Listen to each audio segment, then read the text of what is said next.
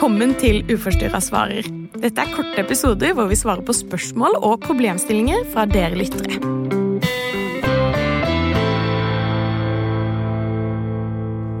Ja, dagens eh, spørsmål, Maria, det får vi jo veldig ofte. Og det lyder som så. Legen min vil ikke henvise meg videre fordi han sier at jeg ikke kommer til å få plass på DPS, eh, ettersom at han sier at jeg ikke er syk nok. Men jeg tenker på mat hele tiden, eh, og føler at dette tar fryktelig stor plass. Hva gjør jeg? Ja, det er jo som du sier, dessverre en problemstilling vi veldig ofte får høre. Mm. Um, og en kan jo føle seg ganske maktesløs i det, for det er jo eh, legen eller en annen behandler som ikke sant, sitter med den makta til å nettopp sende den henvisninga, og for at ting skal begynne å skje, ikke sant? Så at når en opplever å ikke bli tatt på alvor, når en virkelig har det vondt og vanskelig og trenger hjelp, det er Det er fryktelig eh, Altså håpløst, da. Mm. Og jeg tenker liksom når man aller først har manna seg opp til liksom bare eh, Åh, ok, nå skal jeg si at jeg trenger hjelp, og så blir du møtt med at eh, ja, men jeg tror ikke det er noe vits at vi henviser deg videre, for du, du kommer ikke til å få plass uansett. Det syns jeg jo er det er jo så trist som det går an å få blitt. Og så tenker jeg jo automatisk også at jeg tror også her at eh, legen mest sannsynlig kanskje ikke har nok kunnskap om spiseforstyrrelser. Eh, for vi ser jo ofte det at veldig mange eh, tenker fortsatt at spiseforstyrrelse bare er alvorlig hvis det er en kritisk undervekt, ikke sant? Og der er det jo noe med at eh, sannheten er jo det at du kan ha en veldig alvorlig spiseforstyrrelse selv om det ikke er synlig i kropp. Eh, ettersom at hvis du tenker på hvor stor plass det tar i livet ditt, kanskje går det utover skole, kanskje går det utover jobb, eh, kanskje går det utover vennskap, eh, livsglede, ikke minst. Altså, eh, man kan jo bli så deprimert av en spiseforstyrrelse at man har jo ikke lyst til å leve lenger, eh, så det kan jo bli fryktelig fatalt. Um, og derfor så tenker jeg jo sånn, med tanke på denne personen da, som stiller dette spørsmålet, er liksom ok, her har vi noen alternativer. Det er enten å få fastlegen til å skjønne problematikken bedre. Og her gjelder det jo noe med å klare å forklare hvordan spiseforstyrrelsen påvirker deg, for dette er ikke sånn at det bare påvirker maten. Det påvirker veldig mange andre arenaer. Og hvis da legen begynner å forstå hvor stor plass det tar i livet ditt, så vil da henvisningen til eh, videre behandling bli mye bedre. Eh, så det er jo noe jeg tenker at man kan gjøre, men så er det jo det med å finne styrken til å klare å stå i det, da. Ja, og, og der er jo det kanskje mange som kan ha nytte av å, å be noen om å bli med til fastlegen, rett og slett. Om det er noen i familien, en venn eller andre en stoler på, som kan hjelpe en med å få forklart litt hva det er som faktisk foregår. Eh, det går jo også an å skrive ting ned i forkant av timen. Det er jo noe jeg sjøl ofte må benytte meg av når jeg skal til fastlegen. For hvis plutselig sitter jeg der, så får jeg totalt jernteppe, og hva er det jeg egentlig vil si og trenger hjelp til? Og da kan jeg på en måte drage fram en liten huskelapp med noen stikkord på. Um, og det går jo også an å be fastlegen om å kontakte oss. Mm. Uh, få litt mer kunnskap og forståelse om hvordan en spiseproblematikk, spiseforstyrrelse, kan utarte seg.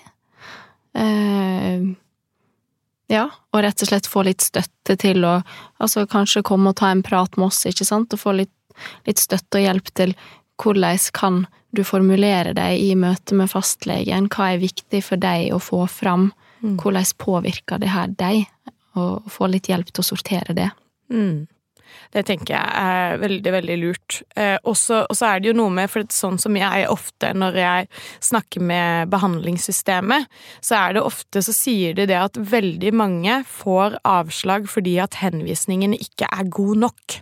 Altså, den forklarer ikke nok i hvilken grad dette påvirker deg. Men det jeg tror at skjer, når veldig mange liksom sier til fastlegen sin at 'jeg tror jeg har et problem, jeg sliter sånn og sånn', eh, så skriver da fastlegen det ned og sender en henvisning, men den er ikke den er ikke nøye nok skrevet. Den, ikke, den, gir ikke et klart nok bilde av hvor omfattende det er. Eh, og da tror jeg at veldig mange eh, kan kjenne på at å ja, men da var ikke jeg syk nok.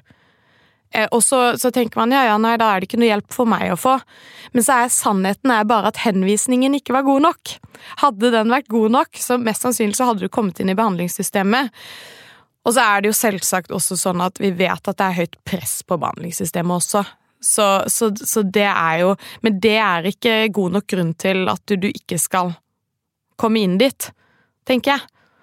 Nei, absolutt, og det samme kan en jo si sant, om fastlege og den ordninga der. Vi vet jo at de har ekstremt få ressurser og lite tid, men, men nei, det er ikke god nok unnskyldning. Mm. Eh, eh, så hvis en fastlege har som en unnskyldning om at eh, 'jeg tror ikke at det her blir noe av', eller 'nei, jeg tror ikke det er vits å sende henvisning', eh, så jo, det er det. Det det er alltid vits å sende en henvisning, og det er fastlegen plikta å ta seg tid til, rett og slett. Og det man også har lov til å gjøre, er det, det, er med alle tilstander når man er hos legen, det er å spørre om jeg vil gjerne ha meningen til en annen fastlege. Sånn at du kan få en second opinion, eh, hvis du ønsker det, da. Eh, og, og, det kan jo være med på, på en måte, å legge litt press på at fastlegen Ok, du vil ha en annen sin mening. Så ok, ja. Og, og, da kan det være, sant, hvis du da hadde fått en annen fastlege, at du hadde klart å forklare det der, at den fastlegen da hadde skjønt det. Eh, og så er det jo sånn at hvis du ikke kommer noen vei med denne fastlegen, så er det jo sånn at da anbefaler vi jo faktisk å bytte fastlege.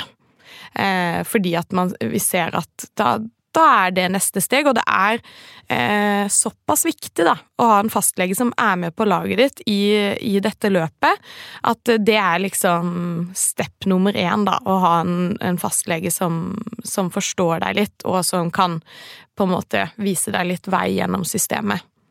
Absolutt. Det alle disse tinga du nevner her, er jo noe som er viktig at folk vet at en har krav på. Altså, etter lovverket har en krav på en ny vurdering, og en har, har krav på å få bytte fastlege hvis en opplever å ikke få nok hjelp. Uh, og så kan jeg jo skjønne at mange kanskje vegrer seg litt for det, fordi nå har de endelig blitt kjent med en fastlege. Uh, kanskje er de redde for å måtte vente lenge på å få tildelt en ny fastlege. Uh, så hvis hvis på en måte det er en del av ambivalensen til å bytte, så er det jo også mulig å kontakte pasient- og brukerombudet, eh, rett og slett for å få litt, litt informasjon og hjelp til hvordan kan jeg snakke med fastlegen min og få han eller hun til å skjønne alvoret. Eh, de har jo også mulighet til å være med på møtet med fastlegen, eh, og hvis en skulle ha behov for å gå så langt som å sende ei klage på den hjelpa eller behandlinga en har fått eller ikke får, så er det også mulig. Mm. Mm. Det tenker jeg er eh, så fint at folk vet. Eh, fordi at man har jo faktisk, ikke sant, eh, når det kommer til spiseforstyrrelse, så har man pakkeforløp. Som på en måte, i det ordet så ligger det jo, ikke sant, du har krav på noe. Som er i den pakka, da. Eh, og så har du pakkeforløp som er for, eh, for, voksne. Da er det gjerne den som er for psykiske lidelser. Eh, det er bare å google det, så kommer det opp ved Helsedirektoratet sitt pakkeforløp. Og hvis du da er under 23, så er det da pakkeforløp for barn og unge med spiseforstyrrelser som gjelder. Og, og der er det på en måte nøye beskrevet hva du har krav på. Så hvis man føler at nei, jeg får ikke det jeg skal ha, så kan man rett og slett si at ja, men se her, dette pakkeforløpet skal dere faktisk følge. Eh, for det vet jeg at det er veldig mange som sier til oss 'hæ, hva er pakkeforløp? Aldri hørt om'.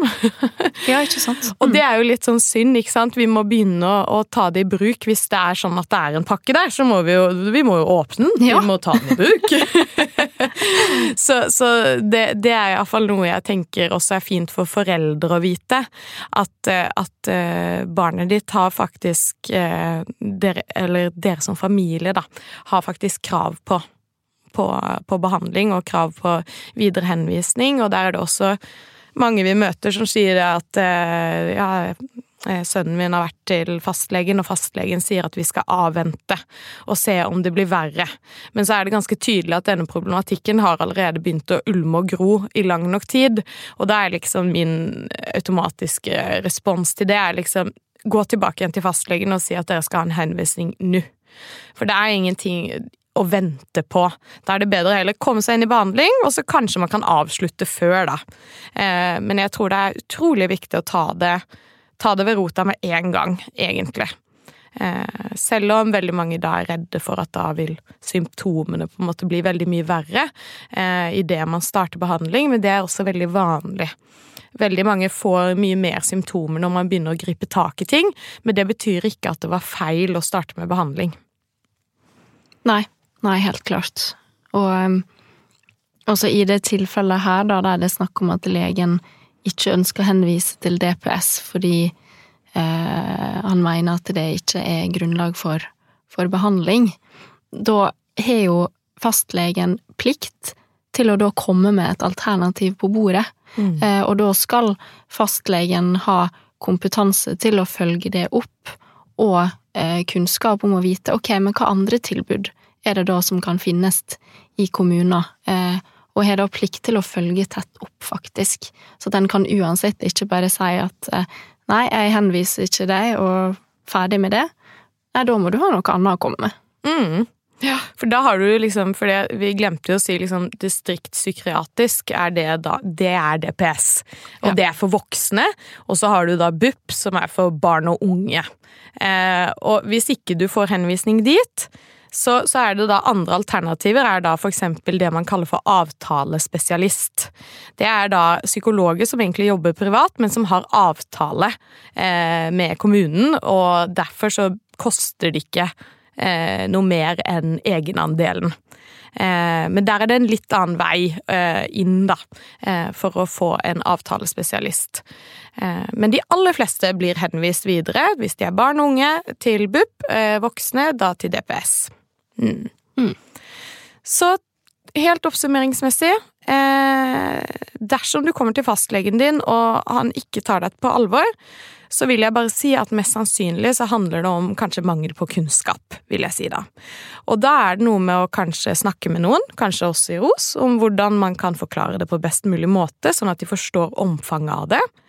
Eh, og også kanskje være med med fastlegen og skrive henvisningen, sånn at du er sikker på at denne får med alle, eh, alle ting ved spiseforstyrrelsen som påvirker deg i livet. Eh, og hvis du ikke klarer det, få med deg en venn. Eller så tar du også skriver et brev til fastlegen din, eller tar med deg notater, sånn at du har noe å støtte deg på når du står i situasjonen. Og skulle ingenting av det her gå, ja, da er det å bytte fastlege, rett og slett. Og vite at du kan kontakte pasient- og brukerombudet. Mm, ja, ikke minst. Takk for at du lyttet til podkasten vår.